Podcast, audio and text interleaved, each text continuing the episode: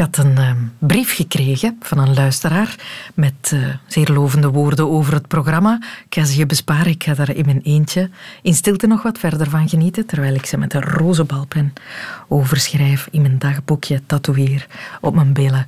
Maar wat, daar zat ook een opmerking bij dat we het wel al in dit programma over relatiebreuken hadden gehad, over scheidingen, over plusouders zelfs, maar dat we nog nooit aandacht hebben besteed aan het perspectief van het kind. Hoe het is voor kinderen om uit het niets hun gezin uiteen te zien vallen, om machteloos te moeten staan bij zo'n drastische ingreep in hun leven. En dat bijna niemand in de media daar aandacht aan besteedt. Alsof het een soort taboe is, die pijn, om hun pijn te bespreken. Dus ja, ik had een missie. Hoe zwaar weegt een scheiding op een kind? Daar gaat het over. Welkom in de wereld van Sophie.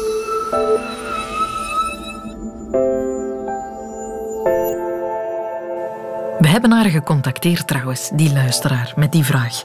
Om meer te weten te komen, waarom vindt zij dit belangrijk? Ik, uh, ik luister regelmatig, en ik eigenlijk meestal. Um, wanneer ik er zin in heb. Ik moet zeggen, meestal um, ik die onderwerpen een beetje van... als ik het zo... Uh, als ik door heb dat het over...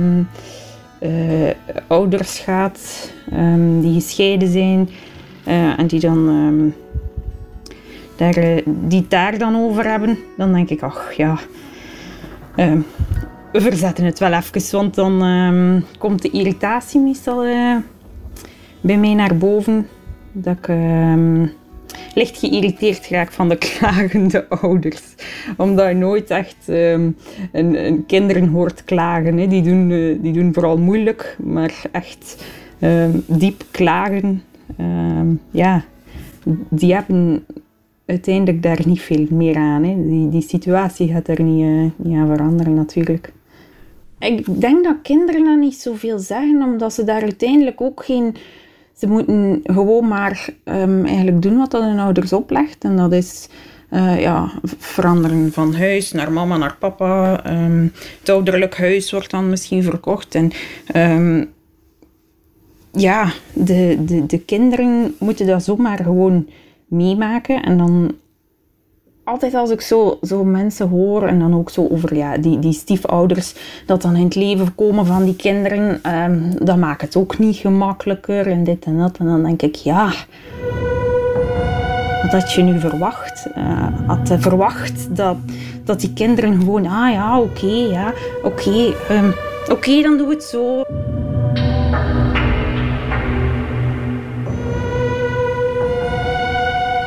We zullen, uh, we zullen goed proberen overeenkomen, maar um, ja, ik weet niet, in de, in de praktijk ken ik eigenlijk bitter weinig mensen waar dat allemaal vlotjes loopt. En ja, dat is zo raar, een raar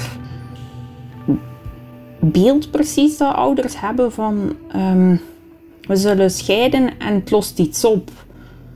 Maar ze creëren wel een nieuw probleem dat ze precies over gezien hebben.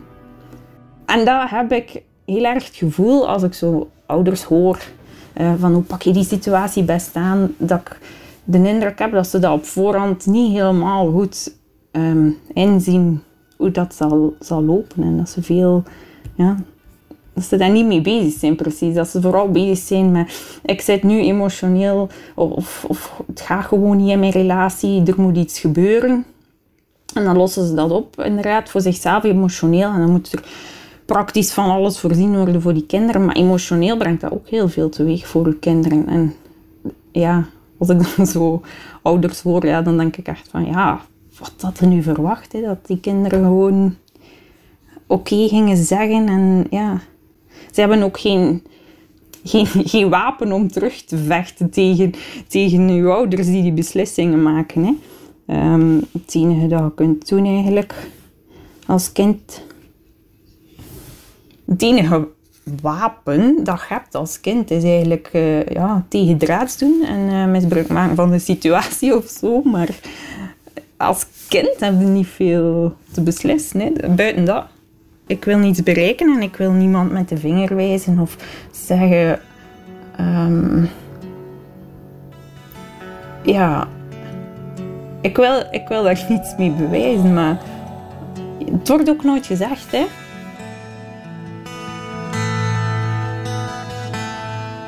Het is geen vingerwijzing. Het is hoogstens iets om eens in fluo te zetten. Dat het eens aangehaald wordt. Dat het eens besproken wordt hoe een scheiding de kinderen treft.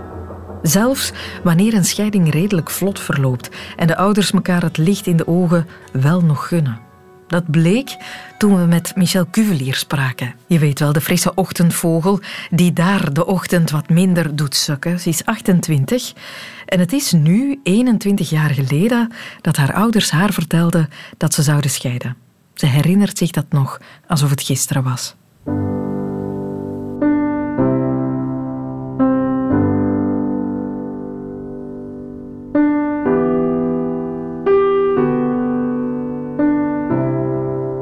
Ik was zeven jaar, het gaat over het jaar 2000, toen mijn mama en mijn papa uit elkaar zijn gegaan.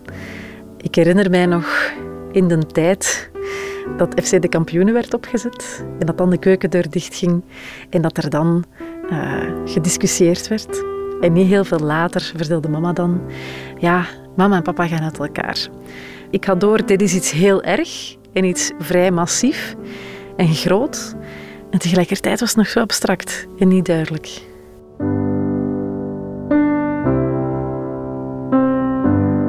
In het kleine boerendorp waar ik vandaan kwam, was dat iets heel gek. En de dag erna, net omdat het een klein boerendorp was, moest dat gekaderd worden voor de klas. Ik denk dat dat de redenering was van, uh, van de juffrouw. En moest ik gaan uitleggen wat er exact ging gebeuren. Ik vond dat heel erg. Ik ging vooraan in de klas staan en ik begon te huilen, huilen, huilen, want je bent er eigenlijk een spreekbeurt aan het geven die je niet wilt geven over leed, je eigen leed. Ik meen mij te herinneren dat dat vanuit goede bedoelingen was, maar dat is niet het allerfijnste wat je wil doen nadat er zoiets is gebeurd.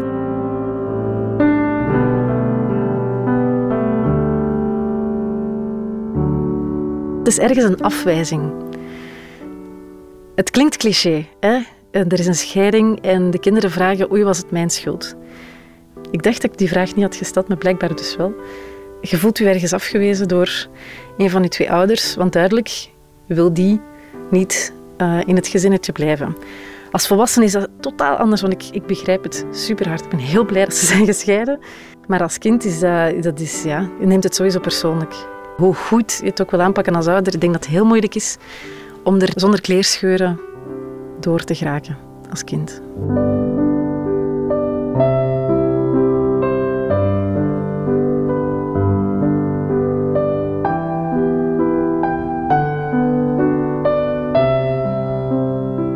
Wat het sowieso veroorzaakt is een zekere akelige nuchterheid over liefde, zal ik maar zeggen.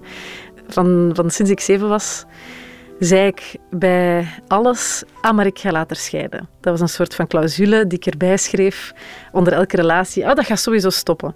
Ook een soort beschermingsmechanisme, denk ik. Want als het dan gebeurt, dan heb je toch maar netjes voorspeld. Maar de Disney-bubbel wordt wel uh, heel hard doorprikt. Enerzijds is die nuchterheid um, handig, denk ik, omdat je dan minder risico hebt op teleurstellingen. Anderzijds is het een teleurstellend feit dat je die nuchterheid uh, aan de dag hebt gelegd sinds je kind was. En in mijn geval was het nog niet eens een vechtscheiding. Dus ik heb eigenlijk echt nog heel veel chance gehad. Ik heb ze zelfs amper zien ruzie maken. Het was eigenlijk een, uh, een fluwele scheiding, bijna. Maar een gelukkige scheiding kan dat naar mijn gevoel nooit zijn. Ik heb uh, een zus, ik heb een halfbroer en ik heb een halfzus. Het was co-ouderschap om de twee weken. Ik merk dat mijn halfbroer en mijn halfzus lichtvoetiger in het leven staan dan mijn zus en ik. Dat heeft allicht te maken met het feit dat mama en papa een evidentie zijn die niet jou verlaten hebben of hebben gekozen voor een ander gezin, waardoor je het gevoel krijgt, ik moet mij bewijzen uh, om die liefde te verdienen. Je bent altijd de bezoeker bij een van je ouders.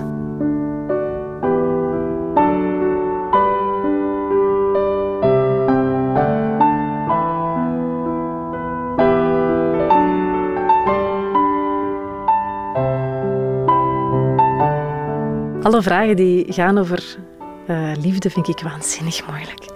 Uh, onlangs ook in een interview, wat is voor jou ware liefde? En ik, dat blijft voor mij echt een Disney-concept. En ik vind het heel moeilijk om het daarover te hebben in het echte leven, zal ik maar zeggen. Omdat ik me heel snel zo wollig voel. Ik heb het gevoel dat je mij direct kan doorprikken als ik ook maar iets durf te zeggen over liefde die eeuwig duurt en zo. Ik denk nu niet dat dat mij behoedt van in een relatie te stappen. Hals over kop, puberale toestanden die, uh, die, die gebeuren nog. Thank God. Hetgeen er is gebeurd, heeft eigenlijk geen impact op de toekomstvisie en het ideaalbeeld, clichématig ideaalbeeld, van huisentijntje, boompje, kindje, hondje. En zelfs het, het clichématige beeld van uh, trouwen in een wit kleed. En echt ook wel trouwen. En ook kinderen, ja. Het heeft daarop geen impact. En nu ben ik misschien de, de naïeve, toch naïver en romantischer dan ik uh, mezelf had ingeschat. Ik zou het nog wel doen, maar trouwen wetende dat, het, dat de scheiding zo om de hoek loert. En de hele, het hele gedoe van geloftes en in sickness en in health en wat is het allemaal. En tot de dood u scheidt. Goh, er kan heel veel tussen nu en de dood gebeuren dat u scheidt. Dus ik zou het nog wel doen, maar bij alles is het met een soort... Um, het wordt een, een, een gok. Bij alles is er dat stemmetje van... Het is waarschijnlijk niet voor eeuwig, maak je geen illusies.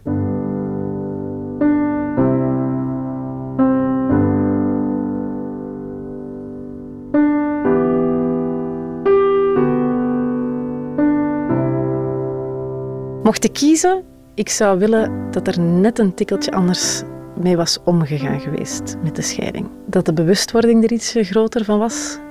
Dat de empathie misschien ook net iets groter was.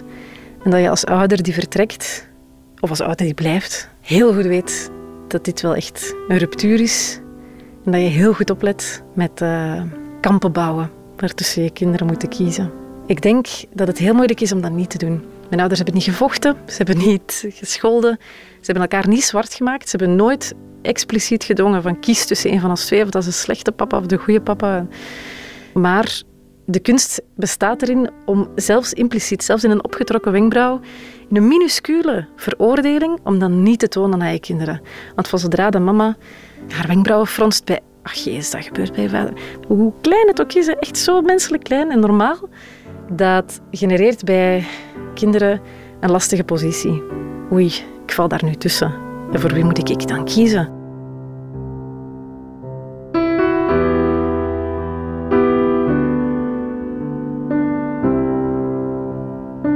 Ze vertelt het heel mooi, hè?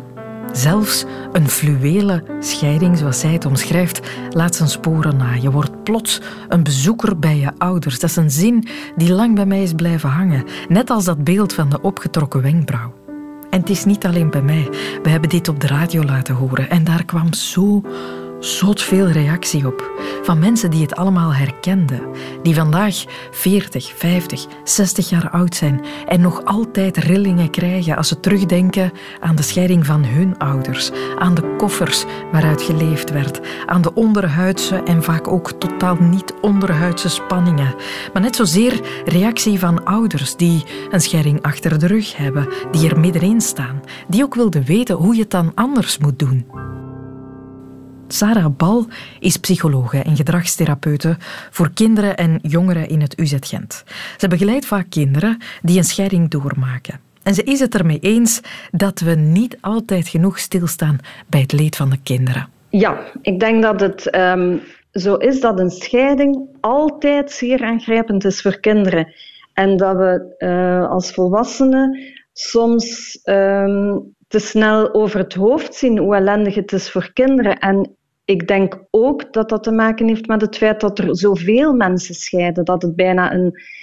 Um, ja, het is heel gangbaar dat, dat, dat, ouders scheiden. Ik denk dat bijna 60% van de kinderen opgroeien in gezinnen waar je gescheiden ouders hebt. En dat we, omdat het zo vaak voorkomt, dat we de impact daarvan op kinderen. Um, Genormaliseerd ja, wat gaan onderkennen. Ja, ja, ja. Mhm. ja.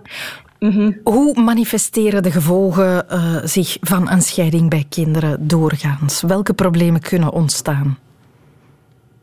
Maar ik, ik, denk dat er heel veel verschillende problemen zijn. Hè. Ik denk dat je het een beetje kan vergelijken met een rouwproces ook. Dus dat wil zeggen dat er zowel uh, gevoelens kunnen zijn van verdriet, maar evengoed van woede, uh, gevoel van verlaten te worden, uh, gevoelens van verwarring, van hoe moet het verder. Dus ik denk dat er een heel, heel patroon of een hele race van gevoelens zich voordoen bij kinderen. Um, je ziet ook kinderen die uh, hopen op een hereniging. Um, kinderen die zich schuldig voelen, die zich verantwoordelijk voelen voor het mislukken van die relatie van de ouders. Dus je kan niet zeggen van er is, er is één soort reactie waar je meer op moet gaan letten. Um, maar ik denk dat een, een, een veelheid van, van ja, emoties er kunnen zijn bij kinderen, van emoties en ook van mogelijk gedragsproblemen. Mm Die ze misschien niet altijd durven uiten, omdat de ouders op dat moment wel wat anders aan hun hoofd hebben. Absoluut, absoluut. Je ziet uh, heel vaak bij kinderen dat als er zo'n scheiding gebeurt, dat de kinderen zich wat op de achtergrond gaan houden. Hè. Dat, de, uh, dat de kinderen bijna een gedrag gaan vertonen van als zij maar rustig en stil zijn, dan hopen ze dat de ouders er wel gaan uitkomen. Zij zullen niet nog een keer een extra bezwarende factor zijn voor die ouders. Dus we moeten um, heel goed of van waakzaam zijn voor kinderen die zich dan gaan wegcijferen. Mm -hmm. um, en die hun gevoelens niet gaan tonen. Dus het is heel belangrijk dat ouders er wel met hun kinderen over praten. We weten dat in het belang van het kind dat het heel belangrijk is dat dat er goed gecommuniceerd wordt over een scheiding. Hè? Dat er um, ouders die er niet over communiceren, um, die vooral de ander de schuld geven, die veel in conflict gaan enzovoort, daarvan zie je dat vooral de kinderen daar ook de dupe van worden. Mm -hmm. Mm -hmm. uh, wat je daarnet Michel ook hoorde vertellen is, uh, ja, eigenlijk was het een oproep om elk uh, signaal dat je over de andere partner kan geven, om dat te vermijden. Omdat je ook als kind op dat moment elke afkeuring van de ander opmerkt en dan in de war komt met ja. aan wie moet ik nu loyaal zijn.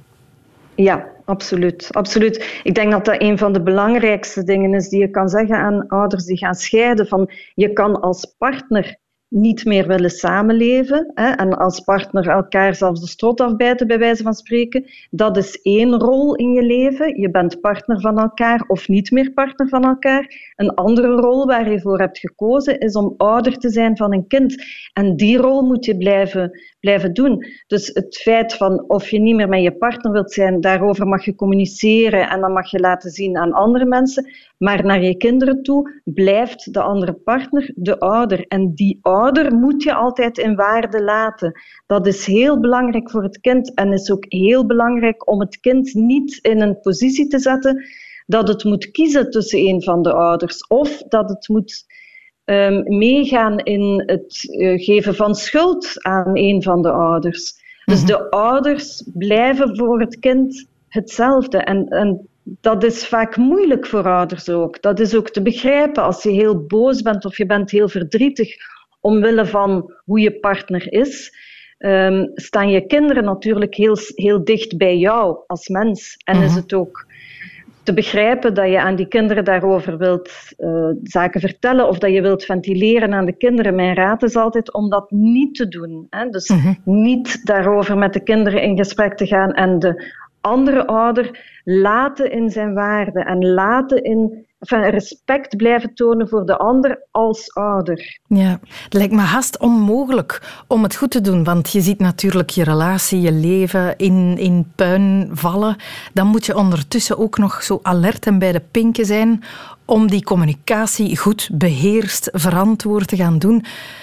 Ja, dat, dat, moet, dat is bijna onmogelijk toch om het goed te doen. Laat ons zeggen dat het heel moeilijk is en dat het ook een heel zwaar proces is. Hè? Net zoals ik denk elke volwassene kan zich voorstellen um, hoe zwaar het is om te scheiden. En dat is ook een heel uh, emotioneel uitputtend en verdrietig proces waar je doorgaat. En als ouder erken je dat voor jezelf, of als, als volwassene, als partner erken je dat voor jezelf. Maar zo moeten we, zo moeten we ook naar de kinderen kijken. Hè? Dus het is heel moeilijk, maar het is helemaal niet onmogelijk. Dat, dat geloof ik niet. Ik denk dat je, um, je moet evenveel respect naar je kinderen tonen als dat je dat naar jezelf toont. En je moet toestaan dat kinderen van die ouder, van de andere ouder en van jezelf uiteraard ehm, mogen blijven houden. Mhm. Dat dat belangrijk is en dat dat heel belangrijk is voor de verdere ontwikkeling van kinderen. Dus Ja. je, ik, ik geloof er zeker in dat je op een goede manier kan scheiden. Wat, wat zijn nog zo belangrijke dingen om het goed te doen? U heeft al wel inderdaad aangeraakt respect voor eh, de andere partner, hè, die niet gaan afvallen eh, in het bijzijn van de kinderen. Wat zijn nog belangrijke dingen om een scheiding goed aan te pakken? Ja, ik, ik, denk ook ehm, ehm, aanvaarden en ook toelaten dat de kinderen er verdriet over hebben. Jij kan heel blij zijn met het feit dat je niet meer bij die partner bent, maar voor een kind is er heel veel verdriet vaak over het toch wel verlies of een verandering van een levenssituatie ehm, met betrekking tot de twee ouders. En dat moet je toelaten. Dus je moet als ouder toelaten hè, dat, dat het kind bij jou komt uithuilen over het feit dat papa of mama niet meer samenleven. Dat is één ding. Een tweede is denk ik dat het belangrijk is dat de kinderen ehm, duidelijkheid krijgen over wat een scheiding inhoudt. Dus dat ze niet het gevoel moeten hebben of krijgen dat zij dingen kunnen doen om hun ouders weer bij elkaar te brengen.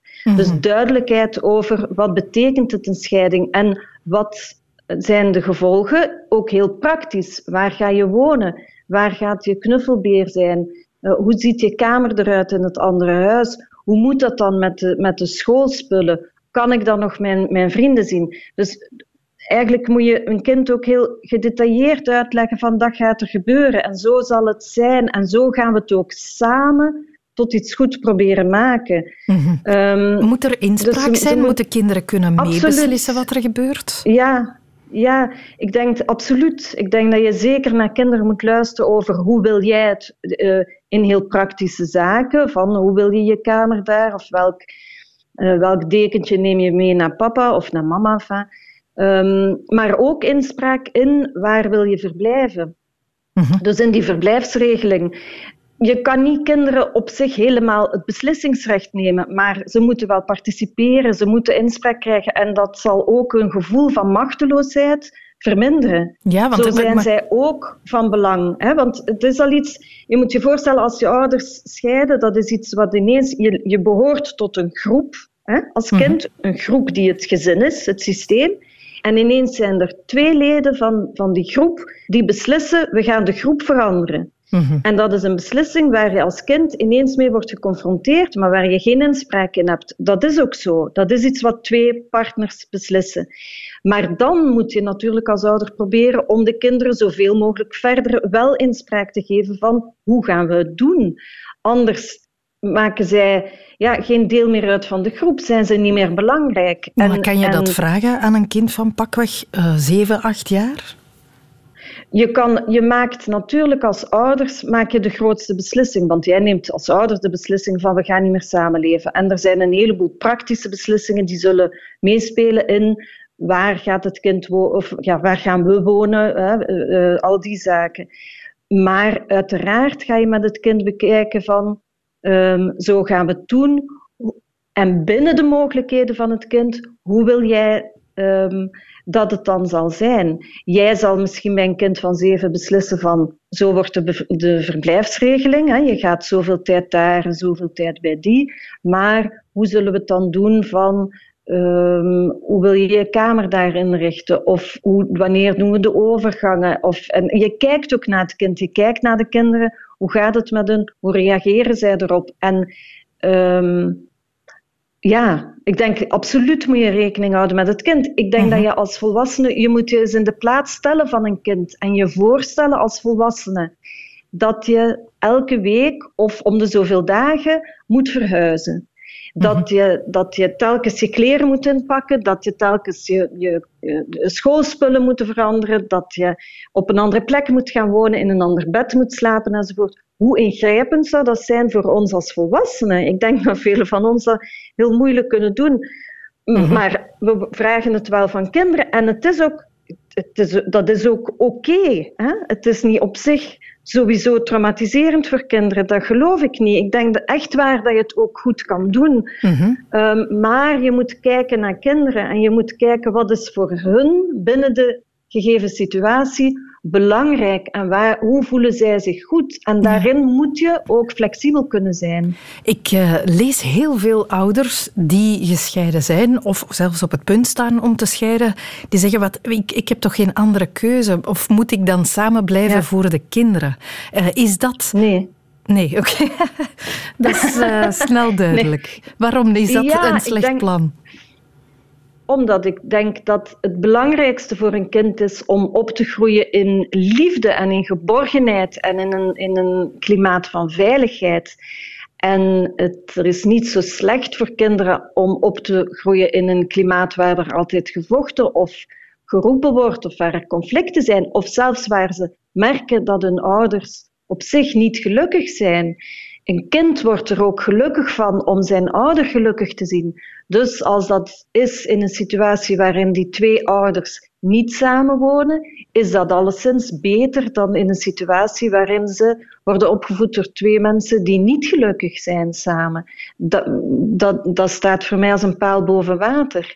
Mm um, alleen is het belangrijk om het goed te doen. En en de an, dus, dus bij elkaar blijven voor de kinderen, daar geloof ik helemaal niet in. Maar wat je wel moet doen, is um, de kinderen toelaten om um, van de twee ouders evenveel te blijven houden en die even graag te blijven zien en die ook te zien als een, als een constante, als dit zijn, de, dit zijn je ouders, mm -hmm. allebei. Ergens en dat blijft. Het, het, het, veilige nest, of het er dan plots twee zijn, dat moet bewaard blijven.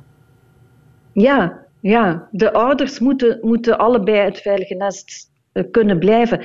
En dat kan ook op afstand. Dat kan ook als ouders niet meer samenwonen.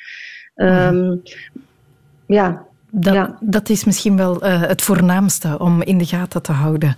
Dat er een thuis is. Want zoals Michel het zei, en dat is eigenlijk, ja. daar sta je niet bij stil uh, als je het niet hebt meegemaakt. Je bent plots een bezoeker bij je ouders. Dat moet een heel vreemde gewaarwording zijn. Hè? Ja, en, en dat is, daarom is het zo belangrijk dat de ouders echt naar die kinderen blijven kijken en dat, dat je niet merkt of dat, dat, een, dat het niet zo is dat een van de ouders zijn ouderlijke rol gaat opgeven. Het is niet omdat je gaat scheiden, je scheidt van je partner, maar je scheidt niet van je kinderen. Dat moet je eigenlijk als ouder bewaken. Je mm-hmm. blijft de mama of de papa en um, je blijft ook, wat ik ook heel belangrijk is, je blijft ook altijd toegankelijk voor je kinderen. Je kinderen mogen er altijd zijn, want daar heb je voor gekozen. Als je ouder wordt, mm -hmm. dan uh, ga je een levenslang um, contract aan met je kinderen. Ook als het niet voilà. jouw week is, tussen aanhalingssteken, ben jij moeder Absoluut, of vader. ja. Ja, en dan mogen de kinderen altijd uh, naar jou bellen of jou raad vragen of wat dan ook. En het leven van het kind dat moet je zo gemakkelijk mogelijk maken als je gaat scheiden. Er is trouwens een interessante infobrochure van de Gezinsbond met advies van allerhande experts voor mocht je ooit in de situatie terechtkomen dat je zou gaan scheiden. Hoe stel je dan een ouderschapsplan op? Hoe kan je het goed doen voor de kinderen? Dat advies, die infobrochure, vind je op hun website van de Gezinsbond. Er zijn ook, dat is ook een goede raad, scheidingsbemiddelaars. Die kunnen helpen om de scheiding en alle afspraken in goede banen te leiden. Want emoties kunnen hoog oplopen en het wantrouwen tussen de ex-partners kan groot worden. Het venijn kan er insluipen, met alle gevolgen van dien. De Nederlandse journalist Frank van der Linden die schreef daar een prachtig boek over. En altijd maar verlangen. Zijn allemaal brieven gericht aan zijn ouders die ondertussen niet meer leven. Veertig jaar lang vochten zij een strijd uit. Een liefdesoorlog, zoals Frank het zelf noemt. Hij koos als tiener kant voor zijn vader en hij verbrak tien jaar lang alle contact met zijn moeder. De grootste fout uit zijn leven noemde hij dat. Ik was een jaar of dertien toen mijn moeder uh, op een gegeven moment uh, mij op schoot nam. En op die leeftijd is dat ongebruikelijk. Uh, als je drie bent of vijf bent, oké, maar dertien. En ze zei tegen mij: je moet heel goed weten dat wat mensen ook over mij gaan beweren in de toekomst, dat ik heel veel van je hou. De volgende ochtend verliet zij ons huis en ze kwam nooit meer terug.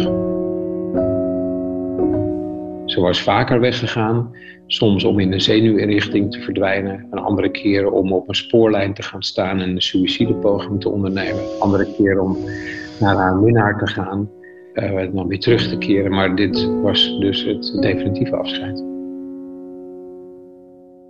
Ik was ontstellend verdrietig en ook heel boos. Um, ik had het gevoel dat we een soort van ontaarde moeder hadden, uh, die al heel veel narigheid over ons had afgeroepen uh, in de jaren daarvoor. Ja, dat was allemaal al meer dan genoeg geweest. En, en dit definitieve afscheid kwam er dan bij. Uh, dat was voor ons voldoende reden in onze jeugdige zwart-witheid om onze moeder op de brandstapel te zetten.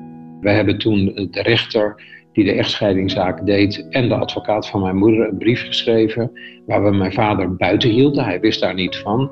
Om te laten weten dat wij mama nooit van ons leven meer wilden zien.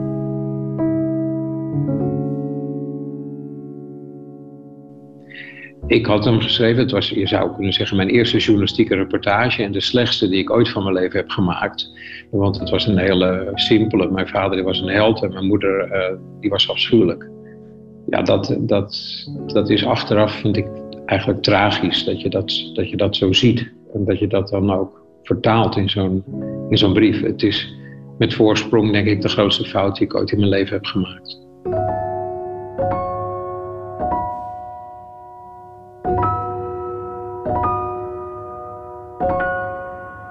De eerste keer dat er een barst kwam in mijn zwart-wit visie op mijn vader en mijn moeder, dat was toen ik zelf een serieuze relatie kreeg met, met Lineke, een vrouw met wie ik ook uiteindelijk zou trouwen. En ook al was zij vier jaar jonger dan ik, 17, was ze veel wijzer dan ondergetekende. En Lineke ging ook contact zoeken met mijn moeder. Die zei: Je hebt de vrijheid, Frank, om haar nooit meer te willen zien. Ik heb de vrijheid om uh, uit te zoeken wie jouw moeder is en hoe ze is. En dat was wel een heel spannend moment natuurlijk. En zij kwam met ontzettend eh, leuke verhalen over mijn moeder thuis. Dus dat was nieuwsgierigheid die bij mij werd gewekt. En, daar volgde een reunie op met mijn moeder. Uh, een van de meest beladen, maar ook mooiste momenten in mijn leven. Want daar komt iemand een trap op, die heb je een decennium niet gezien. Die zet een stap naar jou, jij zet een stap naar haar. En voordat je het weet, hang je in elkaars armen. En het moment dat, dat dat gebeurde en ik rook als een dier rook. Dit is mijn moeder. Dit is de vrouw die mij gemaakt heeft. Dit is de vrouw aan wie ik het leven te danken heb. Ja, op dat ogenblik was het eigenlijk alweer goed.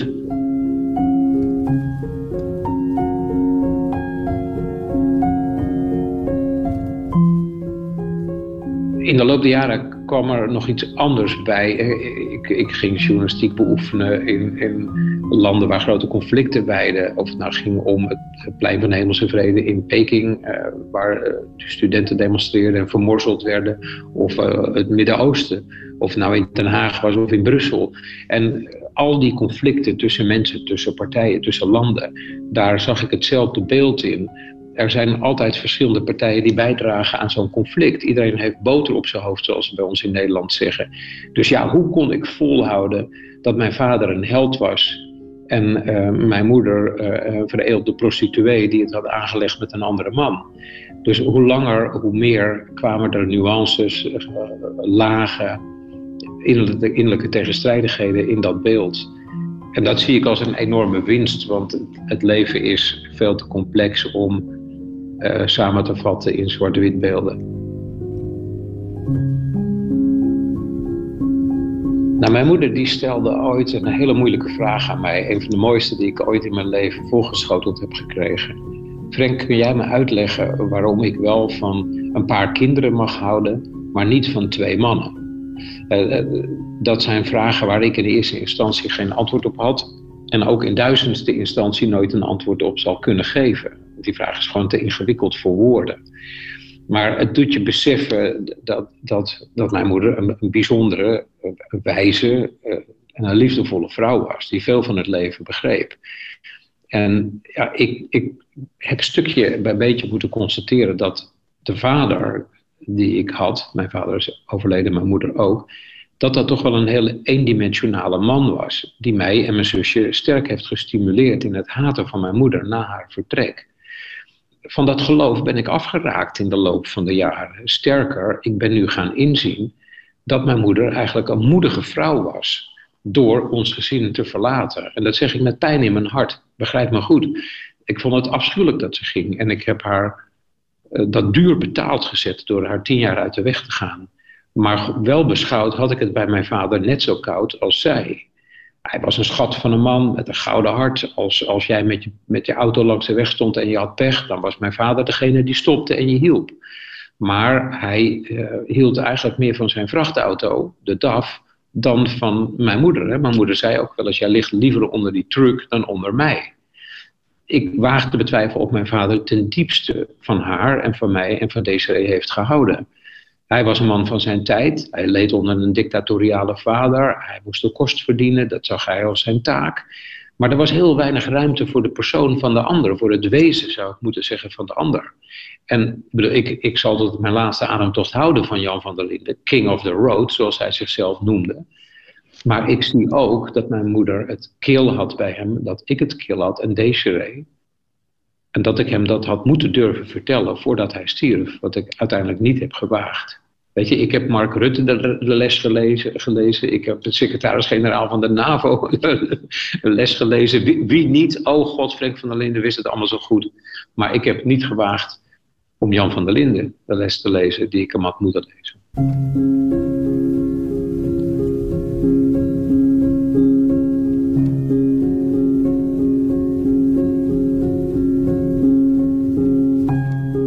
Ik heb de titel En altijd maar verlangen voor mijn boek gekozen, omdat ik heb gezien dat mijn vader en moeder in die 40 jaar dat ze elkaar niet spraken, eigenlijk hun gevoelens voor elkaar als een sok binnenste buiten hadden getrokken. Uh, die liefde was dan zogenaamd haat geworden, maar het was toch betrokkenheid. Waar haal je anders de energie vandaan om zo lang iemand te haten? Weet je, dat is geen onverschilligheid, dat is vermomde liefde. En dat verlangen, dat, dat herken ik. Weet je. Ik ben als interviewer verlangend naar mensen begrijpen, mensen inzichtelijk voor elkaar maken. Dat zal alles te maken hebben met dat conflict tussen mijn vader en moeder. En uh, ik ben ook altijd op weg naar dat wat we nog niet hebben, wat we nog niet snappen. En, dus ja, ik ben een verlangend mens als, als persoon en als uh, professional.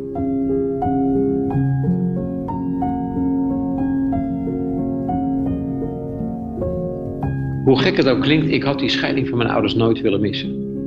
Um, want het heeft mij wel gemaakt tot de persoon die ik nu ben. Met, met, met hopelijk de diepte en, ja, de innerlijke rijkdom met alle verdriet en, groei die erbij hoort van, uh, van, van deze tijd. Ik denk ook dat ik er de interviewer door ben geworden, die ik ben geworden, die, die, die heel goed inziet dat, dat een conflict tussen mensen gecompliceerder is dan we vaak denken. Dus het heeft mij paradoxaal genoeg ook ontzettend veel geschonken. Van de week vroeg iemand aan mij: waarom zeg je zo vaak dat liefde en pijn niet kan worden gemist in het leven? Omdat ik niet denk dat we kunnen groeien zonder pijn. Waar, waar zouden we zijn zonder leed, zonder uh, wonden? Dan zouden we niet zo compleet zijn als we kunnen worden. Schone woorden. Schone mens. En misschien het goede om uit dit soort dingen mee te nemen. Ook onze pijn maakt ons tot wie we zijn. Een reportage van Lotte de Kaluwe.